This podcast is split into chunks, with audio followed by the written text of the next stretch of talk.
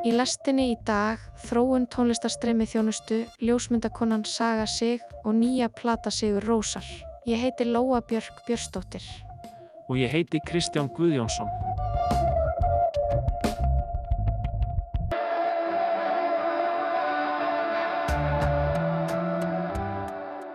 Við skoðum þróun tónlistarstreymi þjónustu og hvernig hún hefur haft áhrif á tónlistariðnaðin og háttinn sem við njótum tónlistar í dag. Við ræðum bæði jákvæð og neikvæð hliðar þessara áhrifa. Við mælum með sérfræðingum um hvernig þessar þjónustur hafa mótað borgararéttindi listamanna, demokratiseringu tónlistarsköpunar og aðgangað henni og hvernig þessi umhverfi mótar hlustunarvenjur okkar og menningu í tónlist. Í dag munum við kynna okkur Saga Sig ljósmyndara sem hefur blandað samanmyndlita og ljósmyndalist í sitt eigið einkennandi verk. Saga lauk námi í London College of Fashion árið 2007, flutti til London frá Íslandi til að skoða heiminn í gegnum lensuna. Verk hennar hafa verið síndviðsvegar frá London til New York, Paris og Tokyo og hafa þau byrtst í blöðum sem Dazed og Confused í T. Vogue Italia og The Guardian. Viðtalið mun snúast um saga, hvernig hennar draumkenda ljósmyndun hefur mótast af bókmentum, menningu og lífi í erlendum borgum. Hvernig skilja við nýjustu plötu Sigur Rósar 8? Stormur Steinþór Sveinsson, tónlistarfræðingur, hefur nokkrar hugmyndir. Í pisli sínum í dag skoðar Stormur Steinþór ítarlega nýjustu verk Sigur Rósar, veltir fyrir sér áhrifum þeirra á íslenska tónlistarmenningu og útskýrir hvernig Sigur Rós hafa þroskast sem listamenn.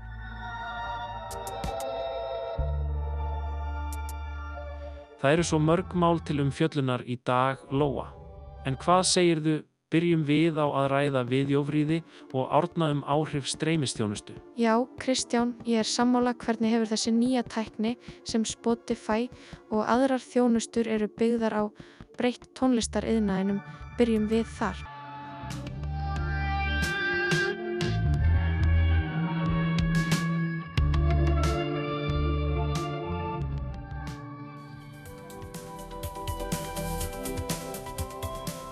Tónlist er ómissandi partur af lífi okkar, hvort sem við erum að fljóta í skíunum með valinu póplægi, finna okkur í djúbri íhugun með klassískri tónlist eða slaka bara á með góðum djass. Nú ætlum við að skoða einn af þeim þáttum sem hafa hvernig við upplifum tónlist mest, tónlistarstreymi. Hvers vegna hefur þessi nýjung breyst yfir tíman, hvernig hefur hún haft áhrif á tónlistariðnaðin og hvaða áskorunum standalistamenn frammi fyrir á streymisöldinni? Til að fara í dýftina með þetta mál höfum við tvo gesti. Fyrst er Árni Mattíasson sem er tónlistarbladamadur með fingurinn á púlsinum þegar kemur að nýjungum í tónlistariðnaðinum. Síðan höfum við tónlistarkonuna Jóð FDR sem er ekki bara algjör snild í tónlistarheiminum, heldur hefur hún einnig verið á öllum hliðum á streymisvagninum sem listakona. Þetta verða spennandi mínútur. Ég er vissum það að skoðum þetta.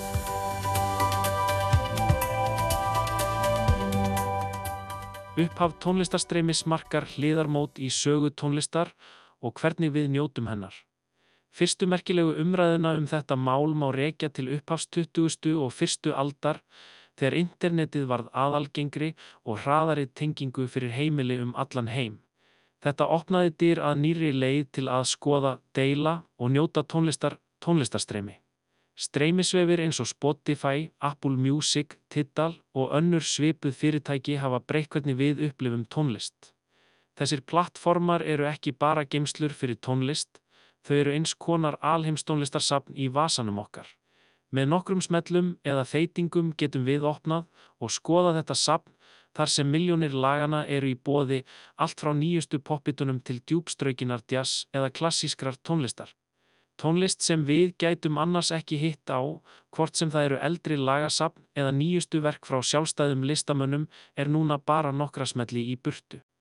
Aðgangurinn til tónlistarstreymis hefur ekki bara gert okkur kleift að upplifa tónlist á nýjan hátt, heldur hefur það líka haft áhrif á hvernig tónlist er búin til og dreifð. Tónlist sem var einu sinni bundin við efnislega miðla, svo sem plötur eða diska, er núna að mestuleiti dreifð á netinu sem gerir hana aðgengilegri en nokkru sinni fyrr. Auk þess hefur að gangurinn að tónlistarstreymi svefjum verið líkil þáttur í að búa til nýjar leiðir til að uppgötva tónlist. Með algrímum upplýsingum um hlustunarvenjur okkar geta þessir vefir mælt með nýjum listamönnum sem gætu hendað í smekk okkar. Þetta hefur opnað dyr fyrir nýja tónlist sem gæti annars hafa sleft aðtikli okkar. Hins vegar á meðan tónlistarstreymisvefir hafa flutt margt gott með sér, þá er ekki allt gull sem glóir. Áhrifin sem þau hafa haft á tónlistargeran eru flókin og markþætt, en engin vafi er um að þau hafa breytt landslægi.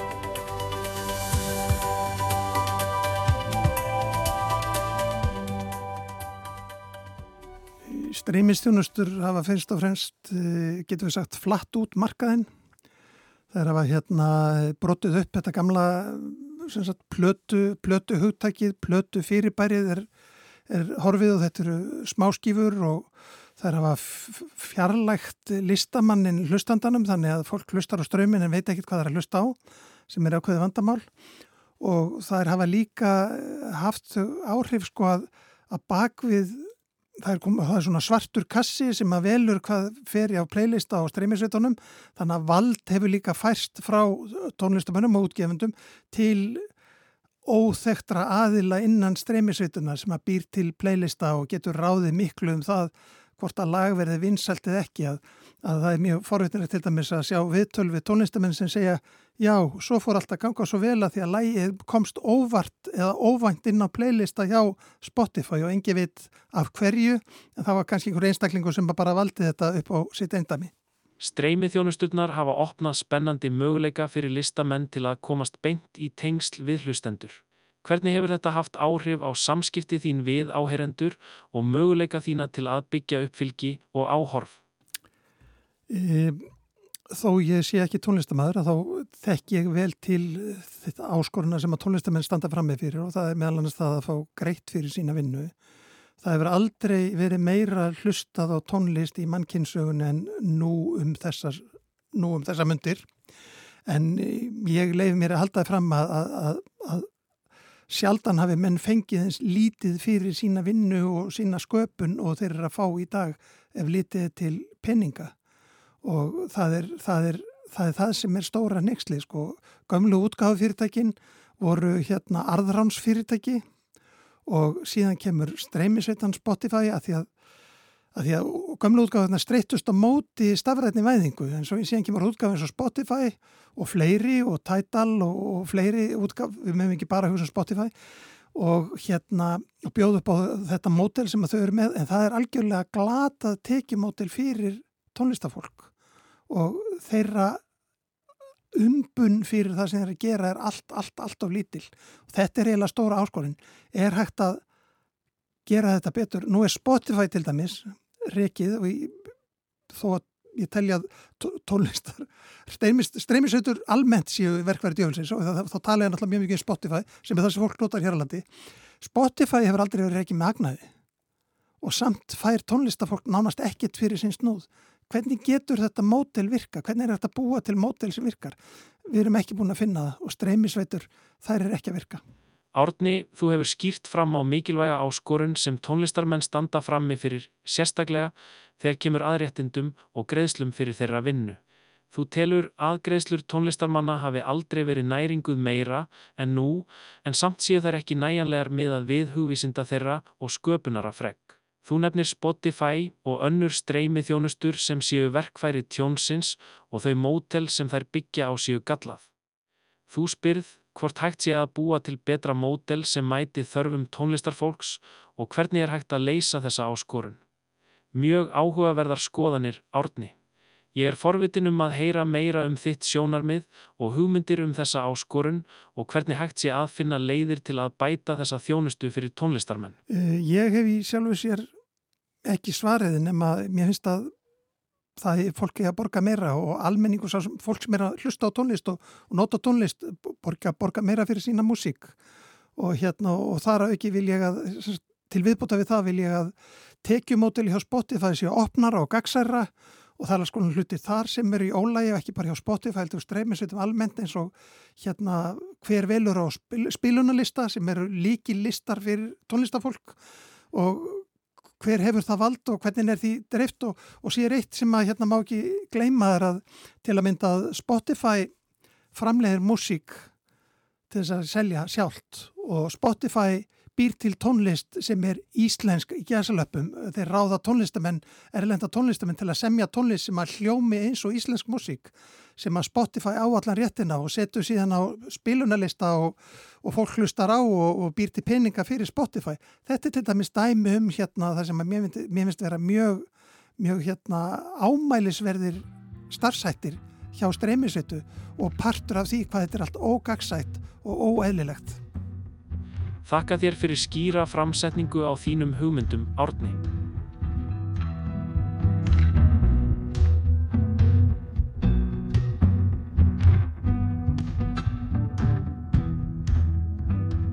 Í dag höfum við heyrðn á tónlistarkonu sem hefur snert marga hliðar tónlistarinnar, bæði sem hluti af hljómsveitum og sem einstaklingur.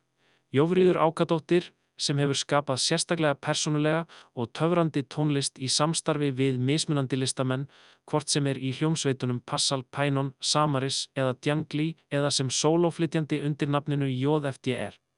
Þessi hæfileikaríka kona kynnti sér ströymaheiminn og nýtti hann til að miðla einstaklega góðri tónlist sinni til heimsins horna. Hvernig hafa þessar ólíku upplifanir saman við möguleikana sem ströymaheimurinn býður upp á móta tónlistasköpun hennar? Hvernig nýtir hún nýja tækni til aðebla og drepa list sína í gegn?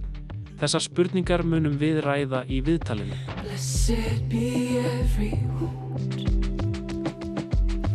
Thank you for tearing me open Thank you for every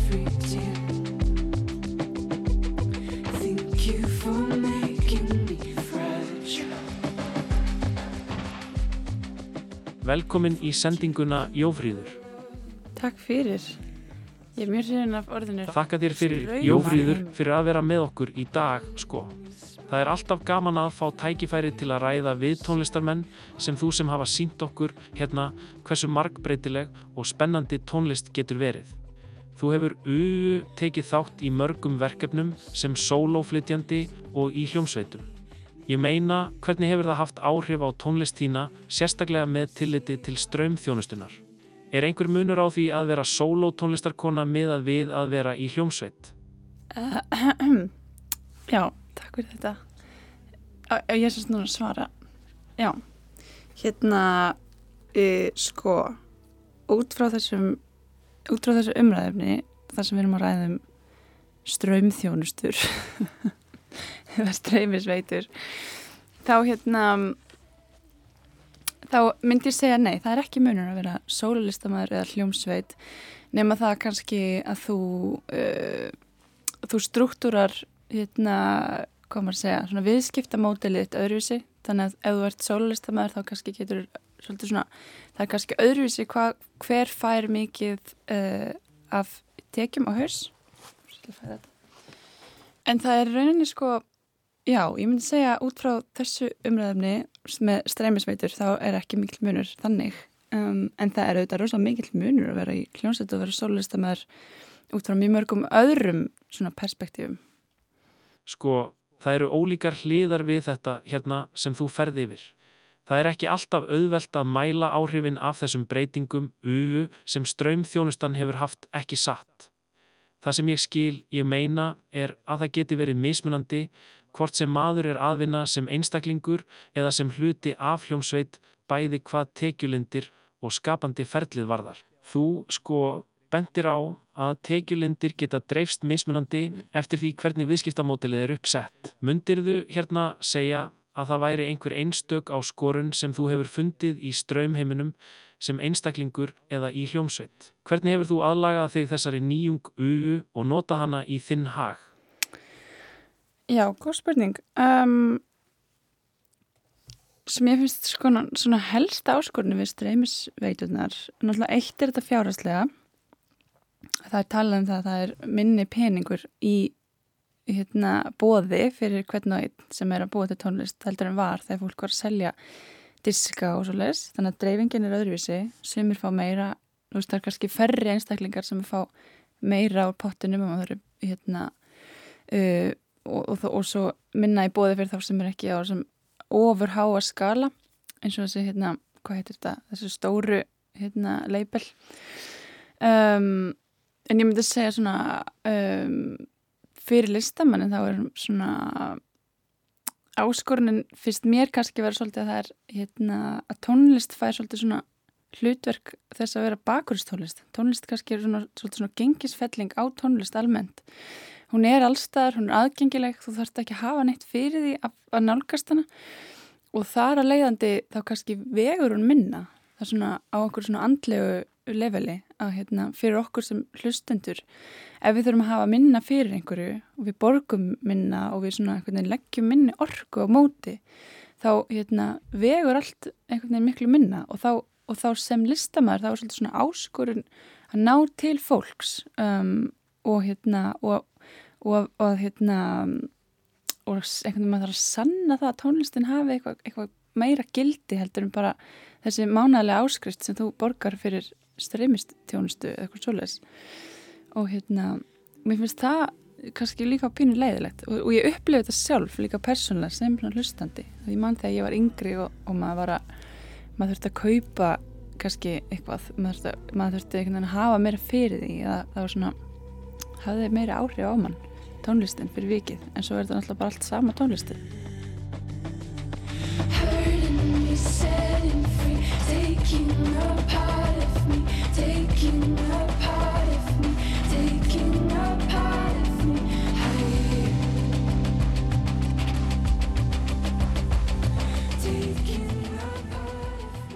Um, nei, ég er ekkert endilega með löst eða, eða svona einhver svör sem að hérna, leysa hana vanda. Ég myndi segja að þetta sé bara áskorun sem við öll stöndum framifyrir og hérna ég myndi segja að það eru kannski til að hafa að koma upp alls konar hugmyndir.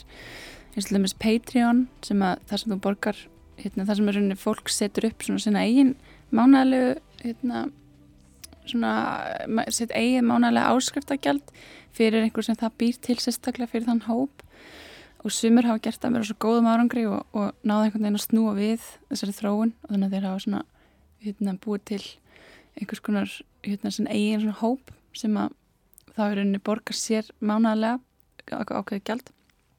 Og það er alveg sniðugt en það er náttúrulega líka kannski svolítið öðruvísi. Ég minna að það eru margi tónlistamenn sem að eru sem að kannski leggja stað út í þessa vegferð að vera tónlistamenn og, og halda þeir geti fókusur á búið til tónlist bara. Og það er rauninni það sem maður er alltaf að vinna að er bara eitthvað svona að, hérna, að hérna, búa til einhvers konar viðskiptamóta fyrir sjálfa sig þannig þar sem maður getur bara verið að búið til tónlist og bara verið að gera það sem maður hefur gaman af og er góður í.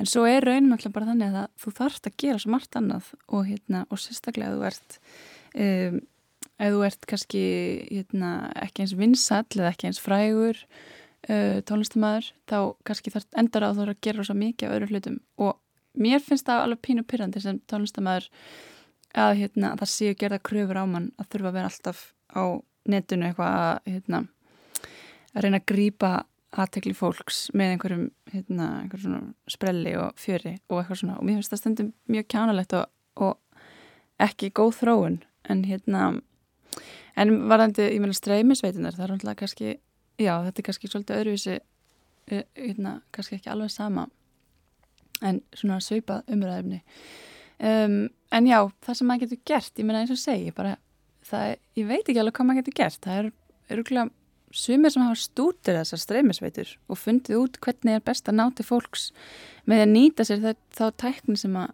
það er bjóð upp á, ég meina það er til þú getur reynda að koma þér inn á playlista og þú getur reynda að gera ákveðin hluti til þess að hérna, ná til fólks á streymisveitunum. En þá ertu líka stundum endar bara sem einhvers konar bakgrunnstónlist og þá er það kannski ekki heldur eitthvað spennandi fyrir því sem listamann. Ég meina, maður vill hafa áhrif á fólk og maður vill ekkit endilega gera tónlist sem er bara eitthvað liftutónlist nema maður sé náttúrulega sérstaklega fókusir á það. Um, nú er svolítið að tala ringi en er ekkit, það er ekkert eitthvað eitt svar. Þetta er náttúrulega bara umræðefni sem við þurfum bara að ræða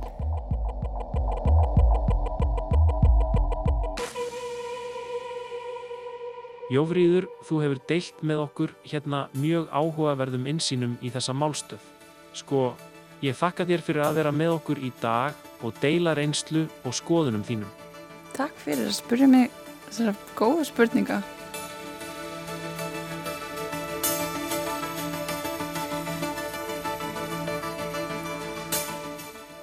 Já, það var mjög upplýsandi að heyra skoðanir árna og jófríðar um þessa mál. Hvað finnst þér um þetta, Lóa? Já, já, nákvæmlega kannski verða streymisþjónustur nöngin tónlistarvaldastöð eða hvað. Og við eða höfum nú heyrt nokkur lög í þessu einslægi sem voru búin til með gerfi greindartólunum Ö6 en á síðunni höfling fass. Það er eitthvað svo sárt yfir þessari tölvum engun í tónlistinni eða hvað. Það er heitlandi að sjá hvernig gerfigreind getur skilið og skapað tónlist frá því að vera skipi draumur til aðverða veruleiki. Ó, já, já, svo stóra framtíð það er eitthvað svo reynd yfir þessari samblandu af tónlist og tölvum. En núna til að breyta um mál það er eitthvað sem hefur verið HM mikilega vænst með mikilli eftirvæntingu. Ég er að tala um, já, nýjustu plötu Sigur Rósar sem ber heitið átta. Hér er Stormur Steinþór Sveinsson með gaggrínina sína. Ímyndunarafl tónlistarinnar er einstaklega stert og Sigur Rós hefur lengi skapað undurheim með sinni tónlist sem lagt yfir landslag sem er jafn magnafalt sem hægt er að nálgast. Nýjasta verkið, átta, er engin undantekning og hljómsveitin stendur með báðar hendur í djúpin blá. Opnunarlægið, glóð, heitlaði mig strax. Það er einfalt, næstum púríst og yfir því liggur einstaklega heillandi náttúrleg dýft. Það er sem tónlistin sé að gera krók í gegnum floknar tilfinningar sem eru jafn magnaðar sem þær eru djúpt persónulegar.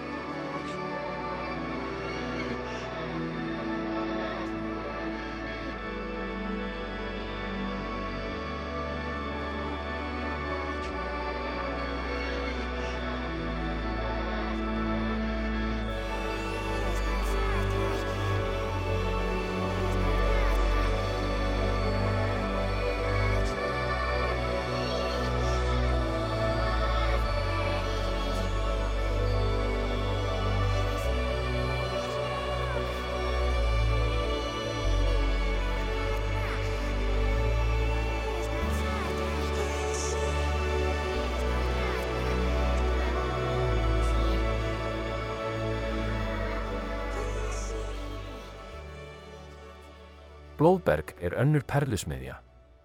Það er skáldskapur í hreinu formi sem opnar með indislega einstaklega píanóundilögum sem flæða saman við Jónsa sönglínu. Engin öskraði strengjasveifla, heldur mjög nákvæm, næstum einstaklega nákvæm tónlist sem endur speklar náttúruna og ímyndunarafl hljómsveitarinnar.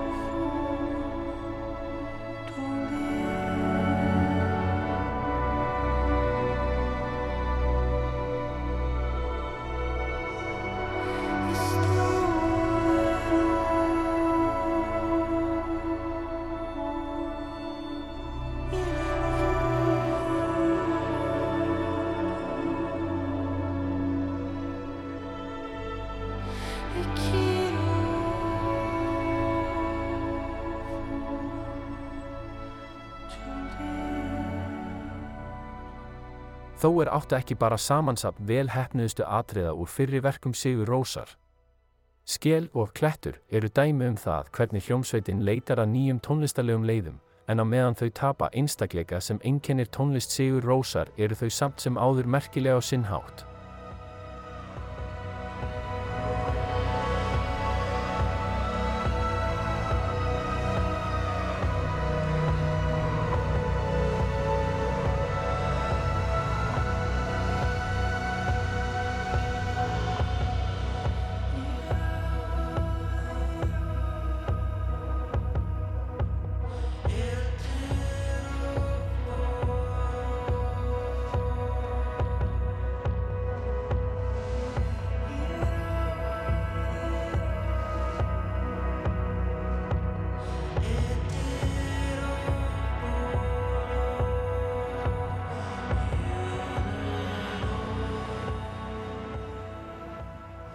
Andrá og Gold eru dásamlegar perlur.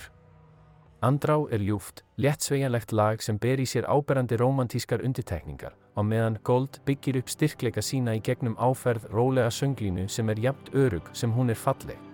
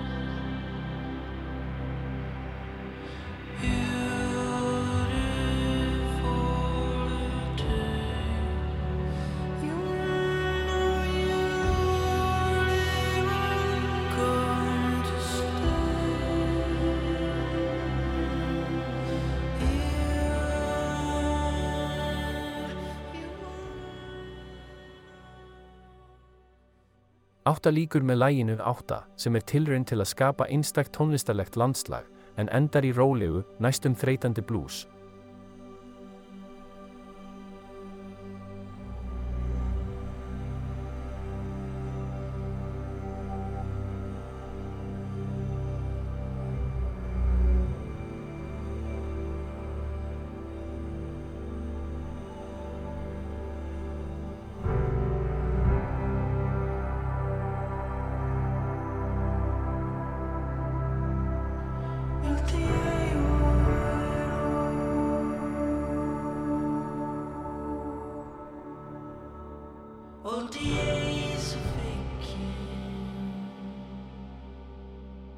Í heildina litið er átta einstaklega flott plata sem sýnir með fullkomnum hætti hvernig Sigur Rós hefur þróast sem hljómsveit.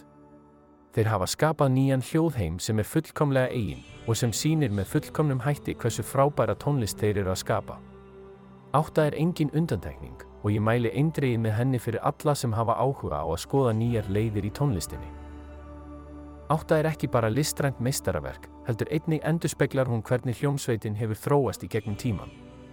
Þetta er hljómsveit sem hefur stöðugt leitað að nýjum leiðum til að tjá sig og átta er einnig skref í þá átt. Þótt hljómsveitin hafi byrjað sem hljómsveit sem blandaði saman post-rock og dreampop, hafa þeir síðan tekið á sig alls konar hljóðheimi og stefnur og með hverri nýri plötu verða þau bara dásamlegri. Það er engin spurning að Sigur Rós hefur haft mjög mikil áhrif á tónlistasennuna, ekki bara á Íslandi, heldur um allan heim. Þeir hafa skapað einstakann stíl sem er bæði áberandi og frumlegur og hefur haft djúbstað áhrif á mörgum sviðum tónlistarinnar. Þegar allt kemur til alls, þá er átt að dásamleg tilraun til að leita að nýjum leiðum, en mætti betur takast á við það sem gerir Sigur Rós að einstakar hljómsveit. Gaggrínin er að hluta til gagvörun sem bendir á að Sigur Rós þurfi að skoða aftur hvaða leiðir eru opnar fyrir þau í framtíðinni. Þessi plata er verk sem á að gleipa heilt, það er ekki bara tónlist, heldur upplifun.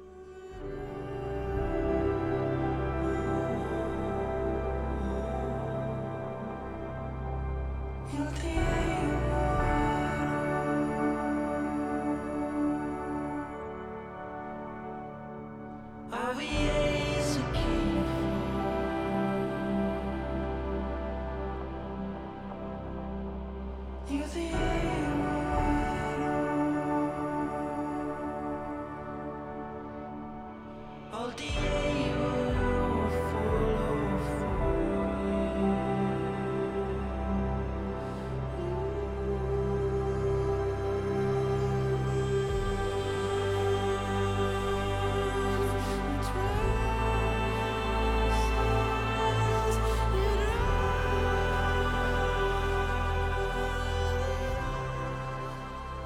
Það var dásamlega fróðlegt að heyra Stormur Steinþór tólka nýjustu plötu Sigur Rósar átta og enda álæginu æfa. Hann sagði Rós hafa ekki bara skapað nýja plötu, heldur nýtt umhverfi í tónlist. En Kristján, hver er næst á dagskrá? Næst á dagskrá erum við að kynna listakonuna Saga sig. Við kíkjum nú inn í heimlistakonunnar Sögu sig sem byggir brúmilli ljósmyndunar og málverks.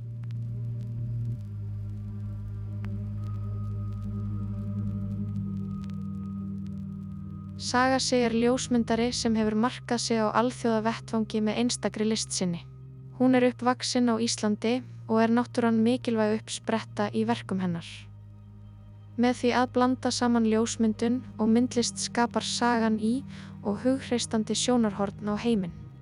Hún hefur sérstakt auga fyrir fegurðarstöðlum, kynhlutverkum og því sem við köllum. Saga hefur sínt verk sín í margvíslegum listagaleríum um allan heim og hver mynd sem hún tekur er nýtt skref í því stöðuga rannsóknarferli sem hún hefur lagst í að skoða mörg og möguleika ljósmyndalistar.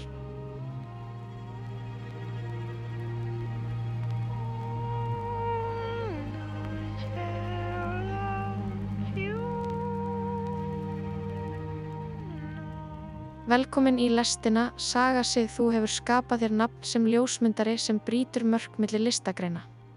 Verkin þín eru sérstaklega draumkend full af dramatísku ljósi og skugga og blanda saman myndlita og ljósmyndalist á stórkostlegan hátt. Í dag munum við kafa inn í verk þín, ræða áhrif sem hafa mótað list þína og skoða hvernig þú notar ljósmyndunina sem verkfæri til að skaka upp í hefbundnum fegurðarstöðlum. Hvernig byrjaðir þú ferilinn sem ljósmyndari? Takk fyrir þessa frábæru kynningu. um, ég byrjaði ferilinn minn sem ljósmyndari. Ég byrjaði að vinna sem ljósmyndari þegar ég var um, um tvítugt en ég var byrjaði að mynda miklu fyrir. Þannig að ferilinn minn sem, sem við minna byrjaði þegar ég flutti til London eila. Þá var ég hérna um 21 ás og lærði ljósmyndar þar og byrjaði að vinna sem ljósmyndari í hinnum, já, fóru margar áttir í ljósmyndinu þar, bara bæði að mynda fólk og tónlistafólk og listamenn og í, og í tísku. Hvernig hefur myndlistin þín þróast frá því þú byrjaðir? Um, ég er bæði að mála og taka ljósmyndir og það blandast líka oft saman.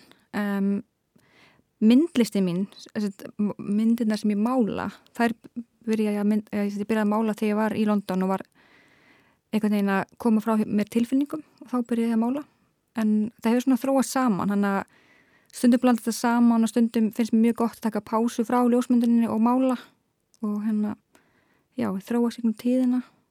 Um, þróast bara með manni eftir því sem maður breytist sem manneskja.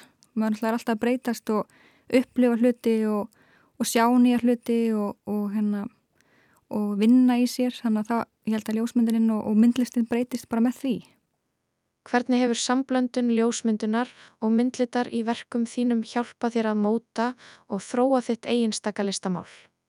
Góð spurning um, og djúb líka.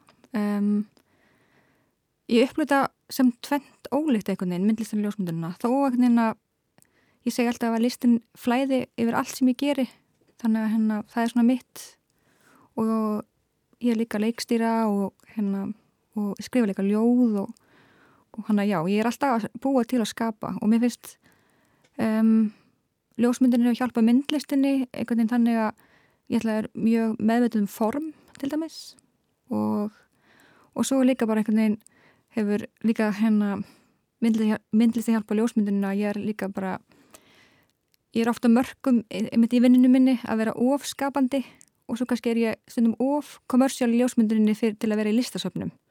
Þannig að ég oft einhvern veginn passi engin boks sem ég held að sé minn styrkleiki líka. Vill, ég, er ekki, ég er ekki bara myndlistamæður eða bara auðlýsingaljósmyndir ég er bara alls konar og, og er svo heppin að vera þar í kynsla þar sem maður má vera alls konar. Og er, hana, það er leifilegt að vera auðlýsingaljósmyndir er líka leifilegt að sín vera myndlistamæður hann að mér veginn vera minn styrkleiki að leifis að flæða svolítið að milli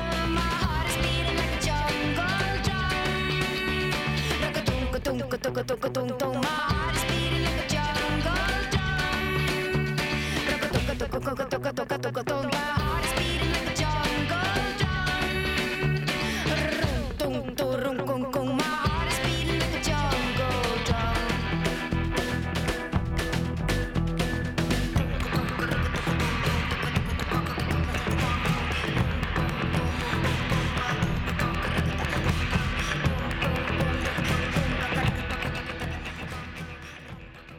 Hvernig hafa bókmyndir og menning haft áhrif á verk þín? Um, ég elska að lesa og ég les rosalega mikið. Um, ég var með tíu ára því ég fekk kvartningaverðun fórseta Íslands fyrir að vera duglega að lesa. Ég var búin að bjóða á landi og búin að lesa upp allt bókasamnið og allir íslingasögunar og fullt af einhverjum heimsbyggjartímarutum þó ég hef engan þroska í þér, ég kannski að skilja hvað ég var að lesa, en bara ég elska að týnast í þessum heimi sem bókmyndnar eru og, og les rosa mikið í dag og, hérna, og ég held að það hafi verið uppsprettan af því að ég varð ljósmyndir eða eitthvað en verða innblásna því að maður getur búið til sin eigin heim bara með því að lesa bók. Og maður getur búið til sin eigin heim með því að mála málverk eða já, þessi hughrif sem hérna, hérna ég held að sérst, það hafa haft rosalega mikil áhrif á mig og líka þessi sagna hefð Íslandinga um, ég var mjög innblað svona draugasögum ég var yngri að því að ég bjóði þannig umhverfiða sem var mikil svona mikil galdur í loftinu þannig að hérna, það hefði rosalega mikil áhrif á hugmyndaflögu mitt sem bars og er með svona mikið hugmyndaflög þannig að ég held bara bókmentir hafi verið uppspöttan af því að, að ég vilja vera listamæður Hvernig endur speiklast lifið í erlendum borgum í myndunum þínum? Ég flutti London því ég var títugt og það breytti bara, lífið mitt þar breytti heil miklu vegna þess að ég ætlaði bara sveitastelpa frá Íslandi sem hérna þannig sé að þá mér upplifaði menningu þá var þetta fyrir tíma internetsins og ég bý að ég fyrir eitthvað afsekt með sveitum og upp, mín upplifin var bara ég sá list í, í, í hérna í stofunum með sveitungu sem kannski mynda af kjarval eða eitthvað þannig ég upp, veist, til að hlusta tónlist þurfti ég að fara til Reykjavík og hlusta á okkur plötur í, skeif, nei, hérna, í skífunni. Þannig að koma allir til London sem er svona all, alls konar menningar heimar mynd, svona, heitast mér var stað að vera ótrúlega mikil innblástur og upplýði einhvern veginn að, að hérna, heimurinn bara hann stekkaði svo mikið þannig að ef ég ekki farið út, ég veit ekki alveg hver, hver ég væri, kannski væri ég bara ekki ljósmyndir eða listamæri, ég væri kannski bara læknir eða eitthvað allt, allt annað. Þannig já, þetta breytti lífminu að flytja til útlanda.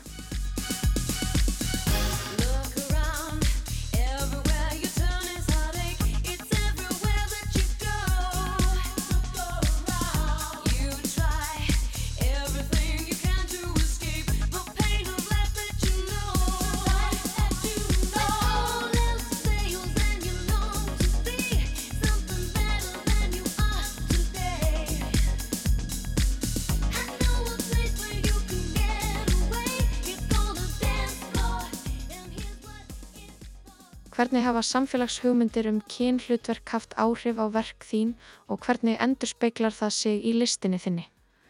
Um, ég, þegar ég bjóð Arlendi svo að vera að vinna mjög mikið með tísku og helst að mynda hvernig líkamann.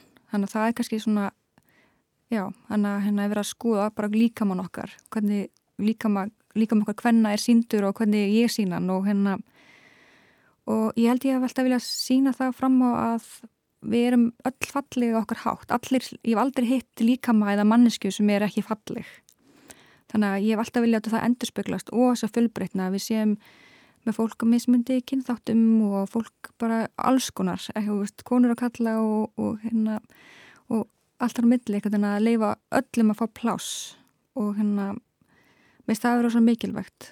Um, ég held ég að í, í myndunum mínum er konun oft bara mjög sterk bara já, svona powerful einhvern veginn og hérna, já, ég, ég held að sé á þessi sterkasta sína konuna sem svona, já, kannski hefur hvern líka mann orðið svona meira form og svona skúlturískur og listaverk í, í verkunum mínum. Um, varandi það kannski um kynhlutverk, kynjarhlutverk mig sem konu líka í þessum heimi þá líka verið mjög áhugavert að því að þetta var mjög kallagur heimur sem ég byrjaði í að vinna í og hérna, þannig að það hefur líka haft áhrif á mig og vinnuna mína. En já, kannski bara einmitt mér hefur alltaf langað til að sína að allir eru fallir og ég hef aldrei hitt neitt sem er ljótur, það er allir fallir á sinn hátt. Hvernig notar þau ljósmyndun til að augra hefbundna fegurðarstaðla? Hvernig mætir þau þessum fegurðarstöðlum í verkum þínum? Ég nota ljósmyndunina þess að, já, bróta þessi niður staðalímyndi með að nota alls konar fólk. Það er bara, það er ekkert langt síðan, kannski tíu ár síðan, það sem voru bara svona einn tegunda kvenlíkama í, í tísku og í auðlýsingum. Og ég er mjög meðvitað, passa mig að velja fólk, emitt, sem sagði aðan, sem er alls konar, af því að við erum alls konar og það er bara svo mikilvægt fyrir okkur að sjá alls konar fólk í auglýsingum og tísku og hérna, og mér finnst ég sem ljósmyndari bera ábyrð á því hvernig ég bara síni fólk og hvernig fólk ég vel í mínu auglýsingar, hann að ég passa mig að hafa mjög miklu fullbreytni það skiptir mig miklu máli.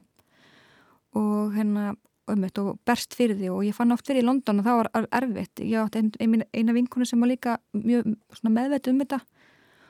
Og við þurftum að var mjög oft svona erfitt að fá kúnuna til að sjá að það var rétt að er að hafa fjölbreytni. Þannig að mér finnst rosalega gaman að sjá hvað hefur breyst mikið í tíska heiminum og hérna og einmitt þó tíska og svona oft fólki finnst það yfirbúrskend eða eitthvað þannig þá er hún það ekki að því við sjáum hún er svo ótrúlega, hún er allstar og við erum að fylgjast með Instagram og Facebook og, og við, við, það er svo mikilvægt að sjá alls konar fólk og geta að spekla sig í því að því að, þess að segja, við erum, erum alls konar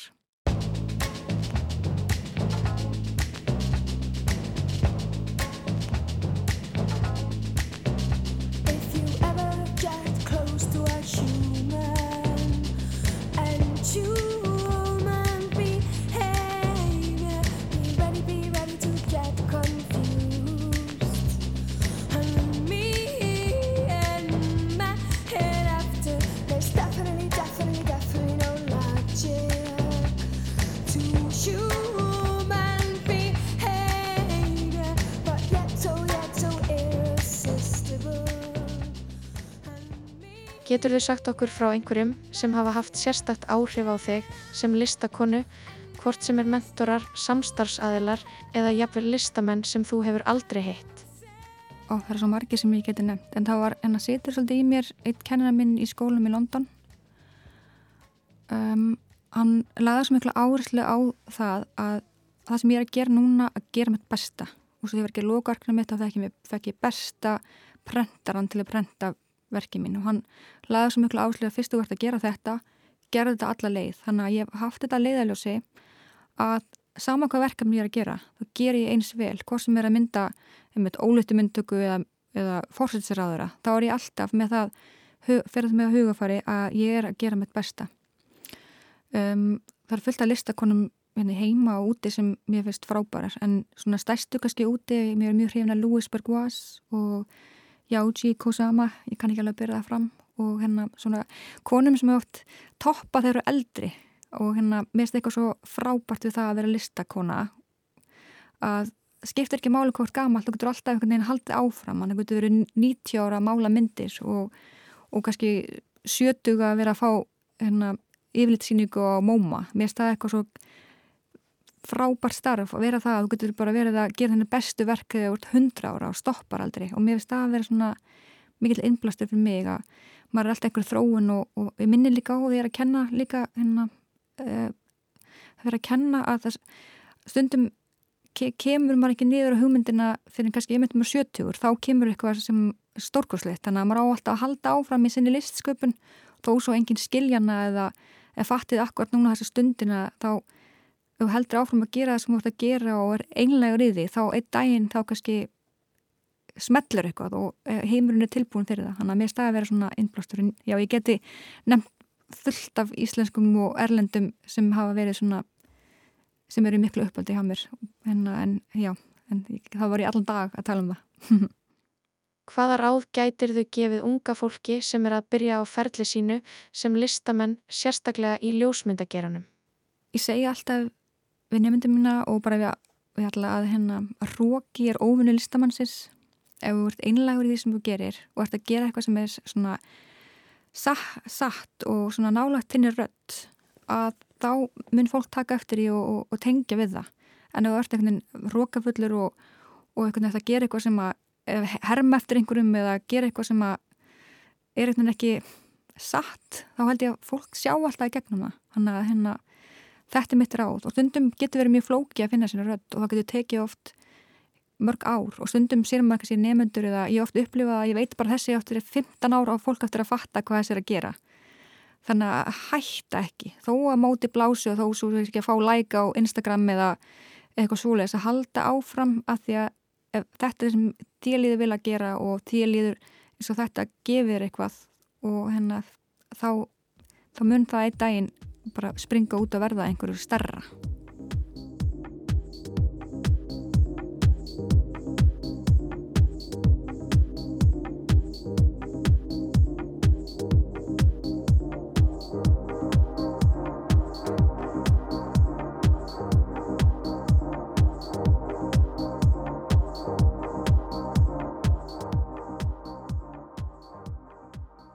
Hvernig hefur ferðalagið sem listakonna breytt því hvernig þú horfir á heiminn?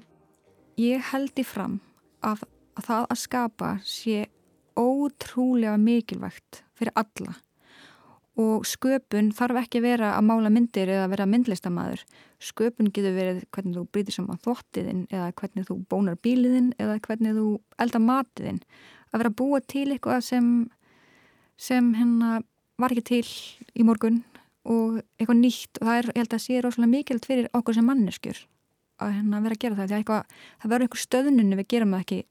Já, þannig að ég hérna, mér finnst það að vera mitt svona sem ég hef en mér, já, mér veist ód með listina, mér veist þá merkilegt hvað hún getur haft mikil áhrif af fólk og stundum þegar ég er kannski að, að mála svo heiti ég eitthvað sem hefur keift málaverk að mér og segir mér að þetta verk veitir sér gleða hverju mótni og það bara, mér finnst það svo magnað að eitthvað verk sem ég ger í, í mínu stúdíu hafi svona áhrif af fólk. Eða taka einhverju myndir fallega mynd af mannesku og, og hún er svo ána meðan eða bara þetta að eitthvað sem ég bý til eða bý til í samstarfi við aðra mannesku geti haft svona áhrif að fólk verið glatt. Mér finnst það ótrúlega eða veki einhverja svona hugrif mér finnst það magnað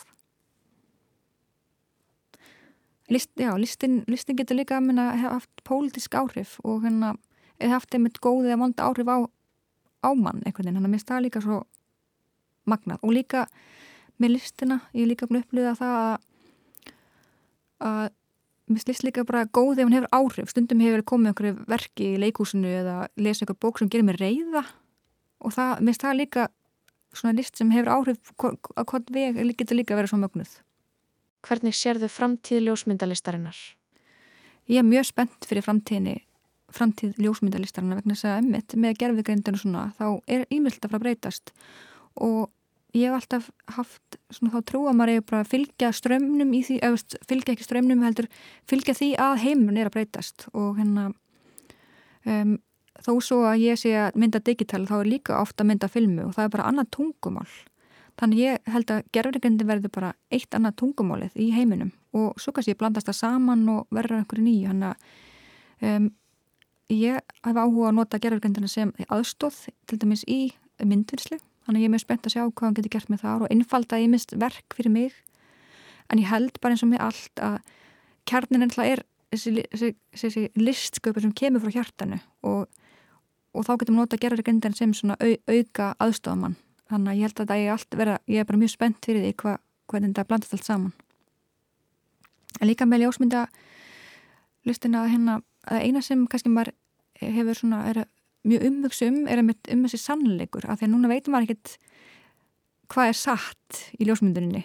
Bara hennar bara veist, er, er, þetta, er þetta svona? Veist, sem sér einhverja mynda einhverju reysa jarðaberi veist, er þetta jarðaber til í alvörun þannig að núna eftir að vera þúsund mynda sem er blanda af raunveruleikanum og einhverju sem er ekki raunverulegt. Þannig að það er svona áhugavert að sjá hvernig það, hvernig það kemur alltaf ljós. En sama tíma hefur líka alltaf sjónurhótt ljósmyndarnas verið svona þú veist það svo einn vinni minn sem var að vinna fyrir uh, New York Times, hann var hindi Afri uh, Afrika mynda, hann sagði bara hann hafði séð einhverju myndir af einhverju stræti sem var allt bara að kveikna í og einhverju óverðir en svo var alltaf í hinnum einn, það var sínt í, í, hérna, í frettanum og svo var það bara allt í ruggli, hann að já, er svona sannleikur sem ljósmyndan hefur, alltaf verið smá svona, hérna, við, við ljósmyndan erum ofta að sína okkar hlið þó við sem þó ljósmyndari sé fréttiljósmyndari. Hann að já, þetta er veikur mjög marga spurningar hann mér en ég held að það sé bara ég er bara mjög spennt fyrir að sjá hva, hvernig það þróast.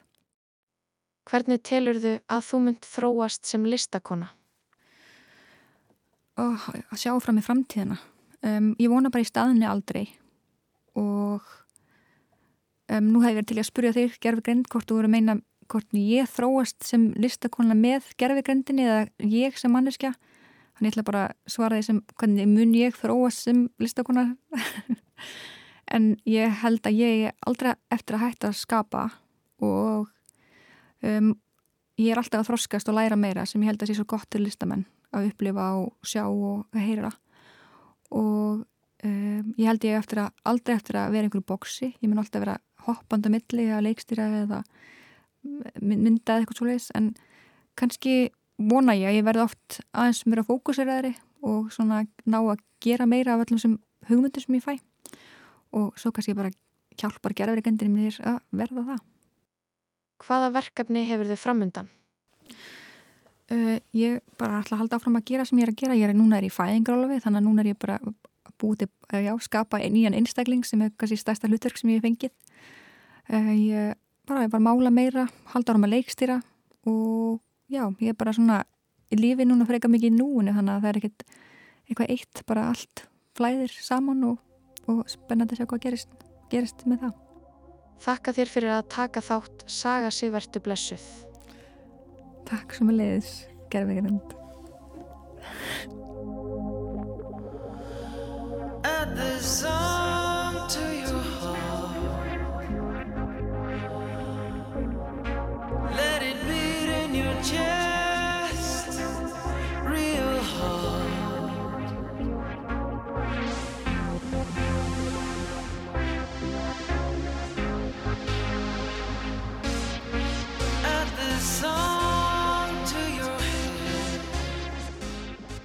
Lag sem við keirum nú er allir son með Gus Gus sem er frá plötunni 24 sjöundu.